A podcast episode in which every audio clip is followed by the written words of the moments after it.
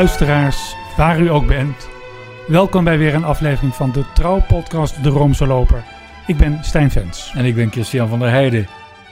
Ja, lieve mensen, het is kerstmis 2020 in misschien wel het meest bizarre tijdperk dat we sinds de Tweede Wereldoorlog hebben gekend. En dat is namelijk de pandemie.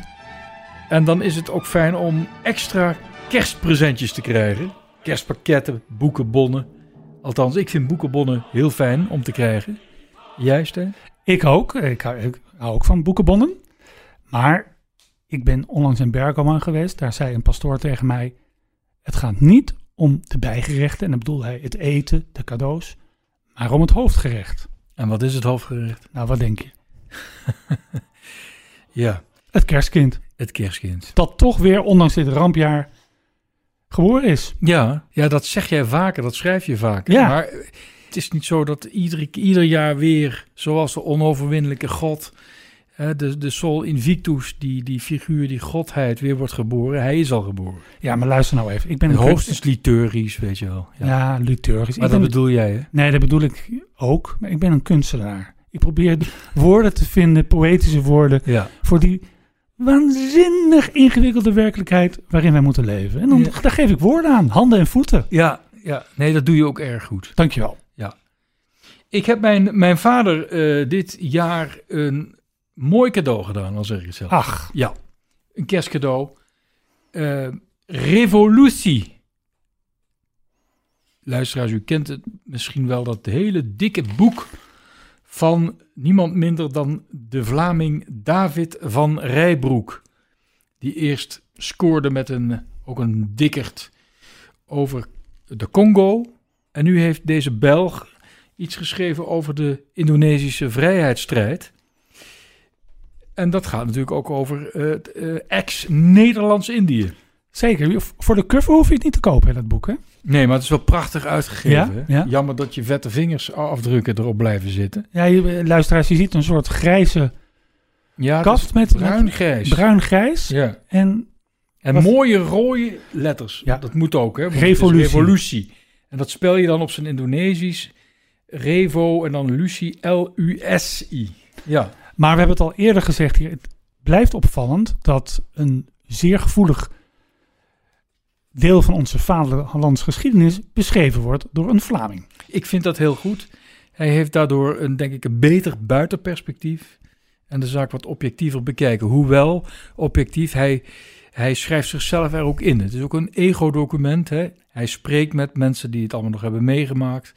Hij eh, doet ook verslag van zijn verbazing over de verhalen die hij hoorde. Ik vind het ontzettend goed geschreven.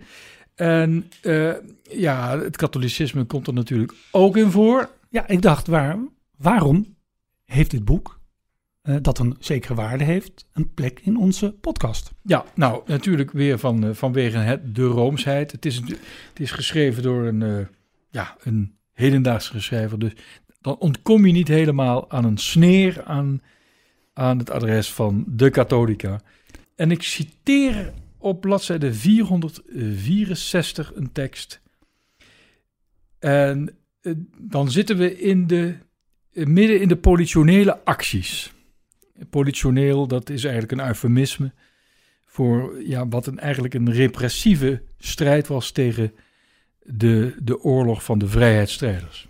Hoewel daar natuurlijk wel orde op zaken moest worden gesteld, want de jeugdbendes, die Bermuda's, die zaaiden echt dood en verderf. Maar dat terzijde. Daar komt hij. Ik citeer. Dubbele punt. Wat ook niet hielp, was de gebrekkige morele en geestelijke ondersteuning. Op een buitenpost kreeg een soldaat slechts één keer per jaar een geestelijke te zien. Erg verheffend was dat niet altijd. Sommige katholieke aalmoezeniers lieten zich in blote bas portretteren, terwijl ze met een vuurwapen in de hand de vijand belachelijk maakten. Ook protestantse veldpredikers konden soms eigenaardig uit de hoek komen. Dominee Jacobs uit Alphen bijvoorbeeld gaf een meditatie over het begrip vertrouwen en vertelde de manschappen: Een plopper is niet eerder te vertrouwen of hij moet eerst 40 centimeter onder de grond liggen. De religieuzen waren veel meer bezig met de seksuele moraal dan met het gebod: Gij zult niet doden. Dat mag verbazen, Maar dan vergeten we dat ook in Den Haag de meest gelovige politici, zowel katholiek als protestanten, de grootste voorstanders van de oorlog tegen Indonesië waren. Oorlog was minder erg dan ontucht. Moord op patrouille leek vergeeflijker dan masturberen onder de klamboe. Niet dat het veel hielp trouwens, die banvloeken op buitenechtelijk gevriemel in de kampong. Van een Limburgs infanteriebataljon met 800 katholieke jongens bleek op de terugreis naar Nederland meer dan de helft seks met een inheemse vrouw te hebben gehad, al dan niet tegen betaling. Hoeveel kinderen en geslachtsziekten daaruit zijn voortgekomen, valt niet te achterhalen. Maar omdat er ook nog eens moeilijk werd gedaan, gedaan over condooms, gaat het vermoedelijk om duizenden. Einde citaat. Nou, ik dacht, daar kom je de kerstdagen wel, eh, wel mee door, Stijn. Ik, ik vind het een eh, gezellig citaat. Ja. Het katholieke almoezenier, is dat niet eh dubbelop? Ja, je zou denken van wel, hè? Ja. Ja, ja. Nou, het, het, de aalmoezenier in het, in het Nederlands taalgebied is eigenlijk niet per se een, een, eh, een geestelijk verzorger in de krijgsmacht. Dan, maar als we het hebben over leger aalmoezenier of eh, vloot aalmoezenier, dan hebben we het wel over katholieken. Ja. Wel interessant wat hij zegt, is dat de, zowel de protestanten als de katholieke kerken grote voorstanders waren van, die, eh, van het ingrijpen in Indonesië. Ja, ze zagen het eigenlijk meer als een kruistocht tegen de verloedering en eh, tegen de anarchie. Tegen de, de- de- ja, eigenlijk moord en doodslag dat daar werd gepleegd door de Pemuda's. En natuurlijk ook omdat iedereen nostalgie had naar die, eh, naar die Tempo Dulu. Ja. Het geeft geen vrij beeld van die almoezeniers daar, hè, wat, hij, wat hij hier even schrijft. Nee, nee. Ik heb ooit in eh, militaire dienst gezeten. Nou, dat zou je niet zeggen. En daar kwam ik op de kazerne, de Willem I kazerne in Den Bosch. Dat is nu een middelbare school. Daar hadden we ook een museumpje. Dat hele museum was eigenlijk gewijd aan het regiment van Heuts. En in dat museum hing ook een portret van een aalmoezenier. Dat was een pater eh MSC'er. En die is daar ook gesneuveld. MSC'er, Ja, missionaris van het Heilig Hart. Ik ben zijn naam helaas vergeten. Maar die, zijn portret hing daar. En daarover werd ook verteld dat hij zeer heldhaftig gestorven is. Dat hij met gevaar voor eigen leven, dus militairen op het slagveld, eh, de laatste sacramenten heeft toegediend. Dat neem ik ervan mee. ja. Ja. ja. Maar wat ook opmerkelijk is, vind ik, eh, dat in dit boek, want ik kijk altijd ook naar het register en naar de, naar eh, de bibliografie, daar ontbreekt een verwijzing naar ja, het standaardwerk eigenlijk voor diplomaten die, die iets met Indonesië doen. Het standaardwerk daarvoor namelijk van eh, MPM Muskens. Ja, Tini Muskens. En dan hebben we het over Tini Muskens. En dat proefschrift dat hij over heeft geschreven, dat in 1969 in een handelseditie is uitgebracht, heet Indonesië een strijd om nationale identiteit, nationalisten, islamieten, katholieken. Echt een Muskensiaanse titel, heel lelijk. Eh, Daar heeft hij wel ervaring mee, toch? Met, eh, Nou ja, later, in zijn latere loopbaan. Hij heeft echt een heel leuk boek geschreven over Nederlanders in Rome. Heel dik boek, veel onderzoek naar gedaan, veel boven water eh, gehaald. En dat heet Op bedevaart voor studie voor overleg in Rome. Nou, dat is het ook. Ja, hè? dat Dat, is dat- Ja. Maar je had het ook de, Turks fruit kunnen noemen. ja, Ja. Of, of het geheim van Rome. Of spru- spruitjeslucht in Rome, ik zeg maar wat. Ja. Maar, nee, dus boektitels, dat, nou, er, zijn, er zijn betere boektitels verzonnen, maar dat vergeven hem. Ik weet dat ik, eh, dat, dat boek, dat proefschrift, is enorm goed ontvangen in Indonesië zelf. Ja, ja. En ik ben in, ik denk in 2003 of 2004 een dag of tien met Muskens in Indonesië geweest.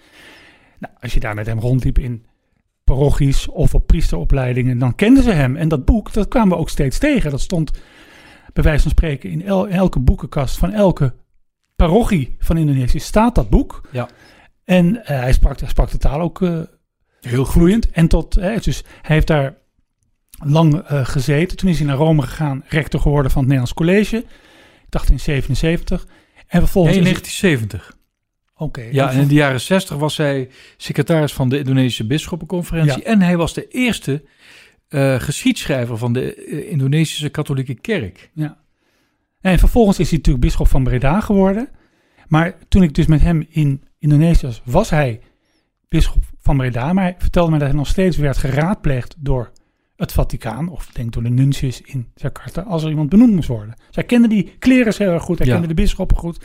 En op een avond, ik zal het nooit vergeten, zaten we, wij logeerden toen in Jakarta op het, eh, in het gastenhuis van de Indonesische bisschoppenconferentie.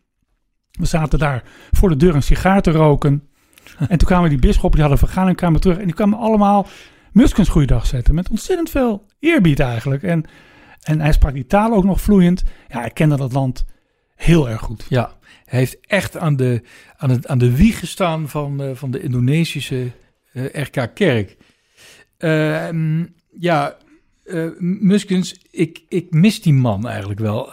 Had hij nog geleefd, dan was hij 11 december 85 geworden.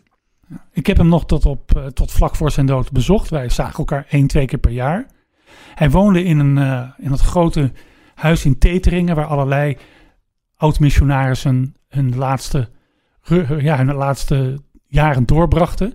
Hij En, en- de Benedictijnen van de van Benedictijn, daar Hoogstraat. heeft hij eerst gewoond. En later is hij naar, gewoond bij eigenlijk mensen waar hij zich misschien nog beter thuis vond. eh, de thuis voelde, de schutisten en al die mensen die in Ja. al die landen hadden gewerkt. Hij had een appartement op de begane grond, keek uit op een golfbaan. hè, waar dus de, de, de elite van Tetering en omgeving een balletje sloegen. En als ik dan kwam, dan, dan zat hij me altijd te wachten bij de, bij de klapdeuren. En die gingen vanzelf open. Dan reed ik met mijn auto al langs om auto te parkeren. En dan zat hij al te wachten op mij. We liepen, hij liep moeizaam op het laatste, hè, naar zijn kamer. En daar zat al op de deur allemaal gele plakkertjes. Van die, van die Ja, hoe noem je dat? Van die print, hoe heet die ding ook weer? Die gele, van die, van die, van die, van die memo-kaartjes. van die memo-kaartjes. En dan stond er op één... Geeltjes. Geeltjes, ja. En dan stond er op één, stond donderdag 11 uur, Stijn komt. Oh ja, ja. Ja. En dan had hij er gespreksonderwerpen bijgeschreven. Dus even de nieuwe, de nieuwe kardinaal-staatssecretaris of de, eh, weet ik veel. En als we dat lijstje hadden gehad, dan was het altijd lunchtijd. En dan gingen we lunchen met al die oude missionarissen. En dan ging ik weer naar huis. Dat vond dat heel, heel bijzonder. En wat ik eigenlijk het mooie vond aan Muskens, al- hè, hij heeft het hele rijke Roomse leven nog meegemaakt. Ja. Hè, eh, kapelaan geweest, eh, door, door Bekkers gewijd, hè, bisschop Bekkers. ja. En heeft ook meegemaakt dat die kerk moest inbinden, dat die kerk kromp. En hij is daar nooit bitter over geweest. Nee, nee, nee. Hij was eigenlijk een, een Franciscus bisschop avant la lettre. Ja. Hè, voordat eh, Bergoglio hier nog amper in zicht was, had hij het al over solidariteit met de armen. En niets was hem te veel om die katholieke sociale leer te benadrukken. Enfin, dat heb jij als eh KRO, wij hebben dat meegemaakt ook. Hè. Bart Ruijs, die liet hem ook eh, in Hoog een nacht doorbrengen. Dat was Hella, Hella van der Wijs. Oh ja, Hella van der Wijs, ja, met, eh, met, met daklozen. In, in zo'n slaapzak. Hij zo'n moest ook alles, hij moest ook ja, alles inleveren. Maar deed hij dat nou voor de show, voor de camera, of heeft hij die nacht ook echt doorgebracht? Volgens mij heeft hij die nacht ook echt doorgebracht. Ja. ja. En in een bordeel ging hij evangeliseren? Dat weet ik ook nog wel. Nou, dat, Ja. kan, ook, dat, kan, eh, dat kan nooit kwaad. En ik vond het ook zo leuk dat hij, hij was altijd nieuwsgierig. Dus hij zat daar, hij ging van het bischopshuis in Breda naar een veel kleiner appartement. Toen heeft hij heel veel weggedaan. Ik heb ook nog een paar boeken van hem eh, gekregen. En vervolgens liet hij toch allemaal boeken komen. Bijvoorbeeld, hij ging zich helemaal verdiepen in, de, in het heelal. Dat vond Oh, ja. hij fascinerend om over, Ja, om over na te denken. ja. En hij zei eigenlijk, ja, ik heb, heeft heel veel gereisd. Hij heeft de hele wereld gezien. Maar hij zei, ik blijf reizen in mijn hoofd als ik me Ja. goed in. Zo, zo, zo zei hij het. Ja, Toen hij pas eh bisschop in Breda werd, kon hij niet in het bisschopshuis. Want het was nog een puinhoop, dat moest worden verbouwd. Toen trok hij zo lang in, de pastorie van het Begijnhof. ja. Weet je dat nog? Bij de, bij de oude Begijnhof van Breda. En daar heb ik hem toen geïnterviewd. Hij vroeg zelf om geïnterviewd te worden. want hij wilde namelijk dat Johannes Paulus II, die leefde toen nog, dat hij als hij zou sterven meteen de titel zou krijgen Johannes Paulus Magnus. Johannes Paulus de Grote. Afijn, toen, ik nam dat toen op op een cassette recordertje. Toen had je dat nog in die tijd. En ik luisterde terug. En, en ik hoor steeds die kanarie van hem ertussen. Dat was echt zeer merkwaardig. En we kregen toen van de zuster een stukje gebak. En ik stelde hem toen een vraag. En ik zie die hand van hem, zie ik heel langzaam naar mijn gebakje gaan. Terwijl hij zelf ook een, terwijl hij zelf ook een, een gebakje had. Ja. volgens mij deed hij dat om mij een beetje van mijn stuk uit te brengen. Ik vond hem ook een heel merkwaardige man. Maar ik mocht hem erg graag, nogmaals, ik, ik mis hem. Maar dat boek van hem, eh, die dissertatie, eh, helaas ja, niet meer te krijgen. Volgens mij kun je bij de slechte nog, eh, nog één exemplaar bekijken. Ik moet even nakijken. Oh nee, ik zie net dat het, ja, dat is verkocht. Helaas is er dat niet meer. Maar daarin beschrijft hij dus wat nu eigenlijk de Indonesische identiteit is. En hij doet dat aan de hand van de persoon van Sukarno. En Sukarno werd in 1933 die, werd hij naar het eiland Flores ehm, verbannen door de Nederlandse gouverneur-generaal. En daar maakte Sukarno, nationalist als hij was, kennis met de paters van stijl, oftewel de SVD'ers, de missionarissen. Flores is een heel katholiek eh, eiland. En toen heeft hij zich voorgenomen, als er ooit een Indonesië komt, los van Nederland, mag het zeker geen islamistische of islamitische staat worden. Er zijn hier meerdere religies en die kunnen allemaal verenigd worden onder die ene noemer, namelijk Indonesië. En wat is dan Indonesië? Daar heeft Sukarno heel veel over nagedacht en Muskens die beschrijft dat prachtig. En daarom werd dat boek van hem in Indonesië zelf ook heel goed ontvangen.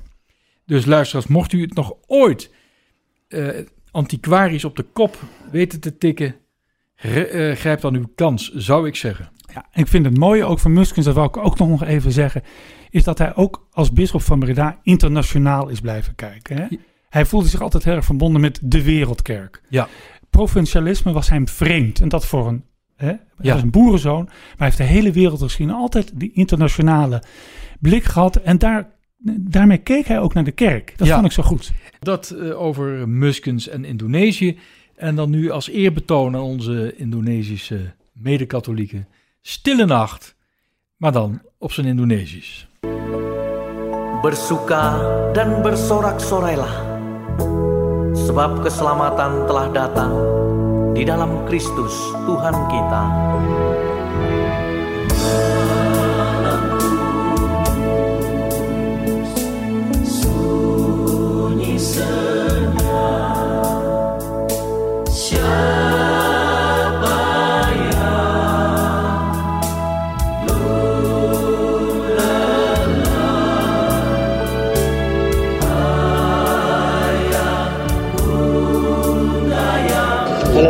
ik heb, ik heb je door.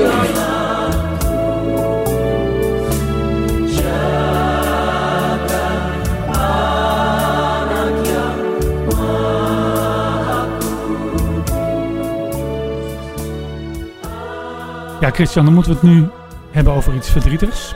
Op 3 eh, december is overleden Michael Hadley aan de gevolgen van COVID-19, corona. En Michael Hadley dat is voor mij een vertrouwd iemand geworden in de afgelopen jaren als parochiaan van de Nicolaasbasiliek in Amsterdam. Hij was daar de muziekdirecteur. Hij dirigeerde daar de Capello Nicolai en de choral, zeg je geloof ik? Choral? Choral? Maar dat maakt allemaal niet uit. Kijk, ik ben een beetje van die man gaan houden.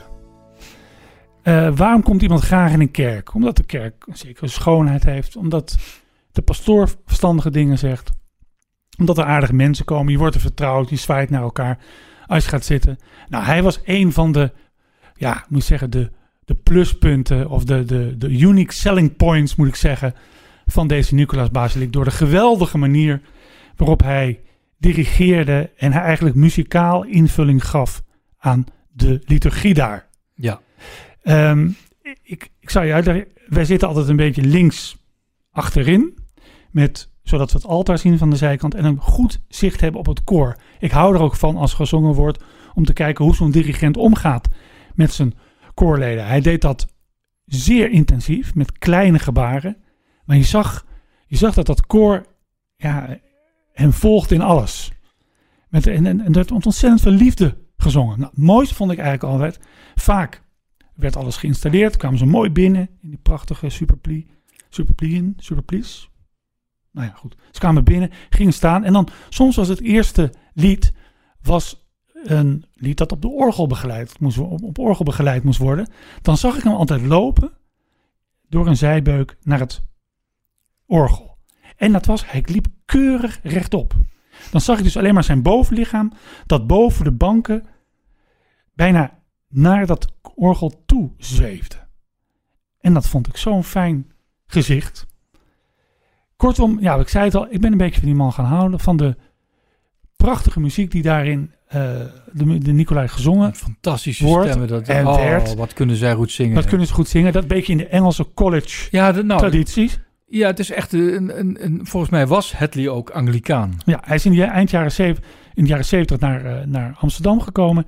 Heeft eerst koor, een koor gedirigeerd in de Boomkerk in Amsterdam. En is later naar de Nicolaas gekomen. Waar hij gewoon ook een betaalde baan had. Hè? En dat was, hij was Ja. gewoon in dienst van de Nicolaas. Laten we, voordat we doorpraten, even kort naar een mooi stukje horen.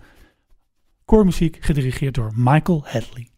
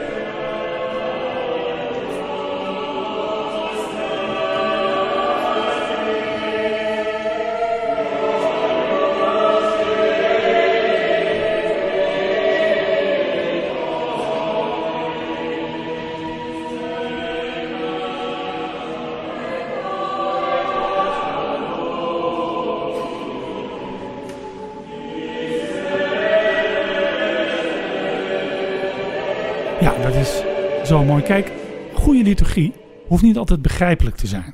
Sterker nog, ik vind het eigenlijk wel mooi als ik het misschien niet helemaal goed kan verstaan. Of dat ik moet, je moet raden wat er gezongen wordt. En dan die gezangen daar in die Nicolaas, die tilden me altijd een beetje op. Ja, het was eigenlijk heel eenvoudig om in God te geloven. Ja. Daar, ja. Eh, kijk, eh, dat werd ook gezegd bij zijn uitvaart over zijn eigen persoonlijk geloof. Zei hij nooit zoveel. Hij vond dat je dat maar het beste kon zingen. Daar heeft je helemaal gelijk in. Ja. Je moet ook niet te veel praten over God. Hè, want er valt bijna niets over te zeggen. Of het kerstkind wel, hè, dat die... Nou ja, ik ga het allemaal niet herhalen wat de paus erover zegt, maar je kunt het beste in muzikale, poëtische termen spreken over het goddelijke. En dat kon hij als de beste. Nou, hij, is- eh, ten, eh, de uitvaart was natuurlijk in de Nicolaas. Ik heb daar even naar gekeken via een eh, streaming. Ja, en dan stond, hè, er stond dat koor daar, tenminste een klein gedeelte daarvan, want vanwege corona was volgens mij ook niet mogelijk dat het hele koor er stond, tenminste zoveel begreep ik. Ja, en een beetje alsof er een, een, een koor van een weeshuis. Hè, dat Ja. werd ook gememoreerd. Hij was veel meer dan een dirigent, hij was ook een soort mentor. En Voor dat koor? een ontzettend gezellige man, Ja, heb ik ervan begrepen. Want ik ken hem niet persoonlijk. Ik, ik eh, had ook echt heel veel ontzag voor hem. Ik wilde hem ook niet storen, want je hebt altijd van die groupies die willen hem dan de hand geven na afloop van zo'n mis. Eh, Jij, jij bent er een van, ja? Ik ben er één keer naar, Ja. want hij, de- hij was niet alleen de dirigent tijdens de Eucharistieviering om half elf op zondagochtend, maar hij was ook de grote animator van de Evensong. Ja, Hè? echt helemaal Anglikaans. Een beetje eh, prachtig en die beetje, en vooral als, als het al buiten donker is, is dat zo mooi. Die, Ja, En toen, eh, toen, ben, toen zijn we daar een keer geweest en toen ben ik na afloop dus een beetje de sacristie ingedoken met de, met de smoes dat ik eigenlijk de pastoor even moest spreken. Of de rector moet je geloof ik zeggen. En toen zei ik, ja, ik, ik wil alleen maar zeggen dat ik vind dat dat wordt zo mooi gezongen. Daar wou ik even voor bedanken. ja. Nou, dat is, heb ik toch maar gedaan. ontzettend belangrijk. Eh, eh, goed zingen is, is heel belangrijk, omdat het zo makkelijk is om dan opgetild te worden.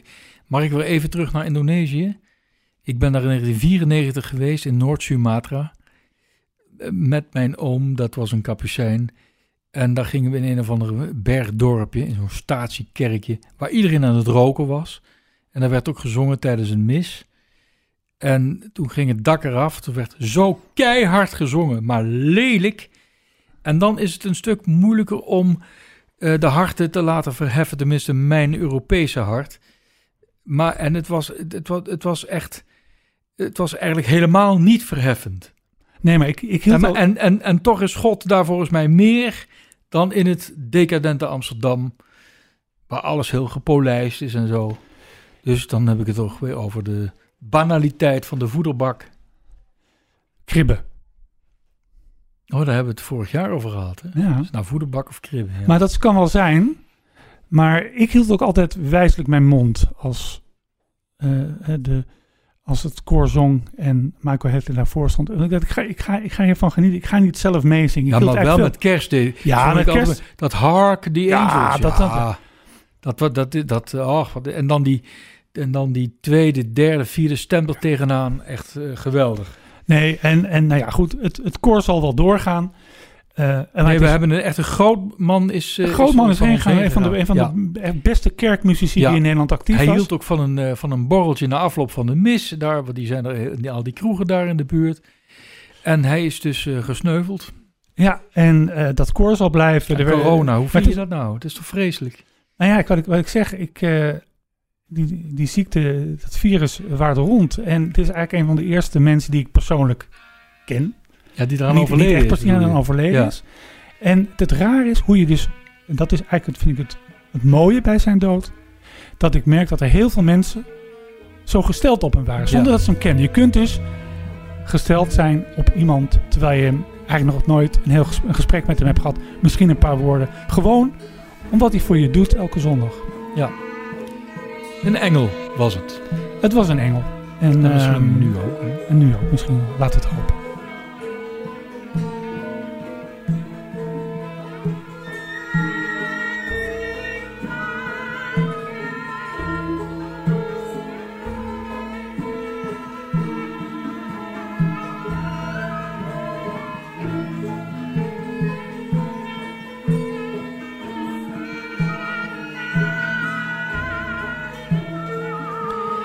Ja, beste mensen. Het is kerstmis en dit feest duurt vrij lang. Volgens een eh, oude traditie zelfs tot 2 februari Maria Lichtmis... bleef vroeger die kerstboom op het Sint-Pietersplein niet staan tot en met 2 februari. Ja, en als ik me niet vergis, heeft deze paus daar een einde aan gemaakt. En wordt hij tegenwoordig al eerder verwijderd. Hmm. Ja, over het Sint-Pietersplein gesproken. Wat vind jij nou van die, van die kerststal? Ja, ik heb dat eh, vanaf van een afstand bekeken. Door middel van YouTube-beelden. Ik vind het niet mooi. Eh, ik- Beschrijf het eens. nou ja, ik, je ziet een soort pilaren staan. Die het midden houden tussen een, een verkeerszuil. Zoals je die vroeger in Nederland al had. En figuren uit de Star Wars cyclus. Darth Vader. Ja, die daar. Ik vind het niet mooi. En zou het geen knipoog van de paus zijn dat tijdens de algemene audiëntie op woensdag, die tegenwoordig weer vanuit die pauselijke bibliotheek komen, er rechts achter hem een zeer, maar dan ook zeer traditionele kerststal Ter staat. compensatie. Ter compensatie, ja. Ja. Nou, luisteraars. Zalig kerstfeest. Zalig kerstfeest en zing even mee. Waarmee?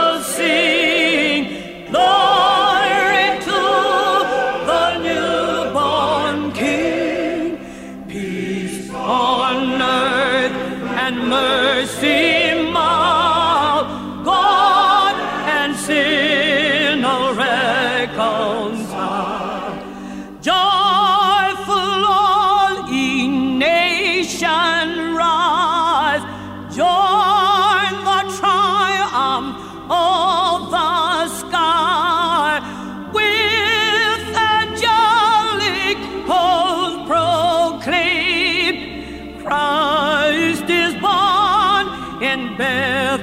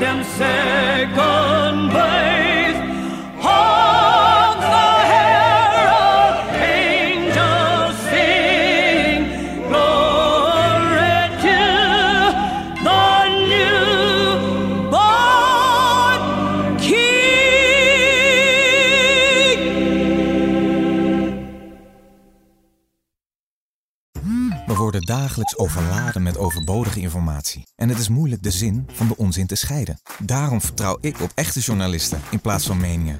Een krantenmens heeft het gemakkelijk. Word ook een krantenmens en lees je favoriete krant nu tot wel zes weken gratis. Ga snel naar krant.nl. Bezorging stopt automatisch en op deze actie zijn actievoorwaarden van toepassing.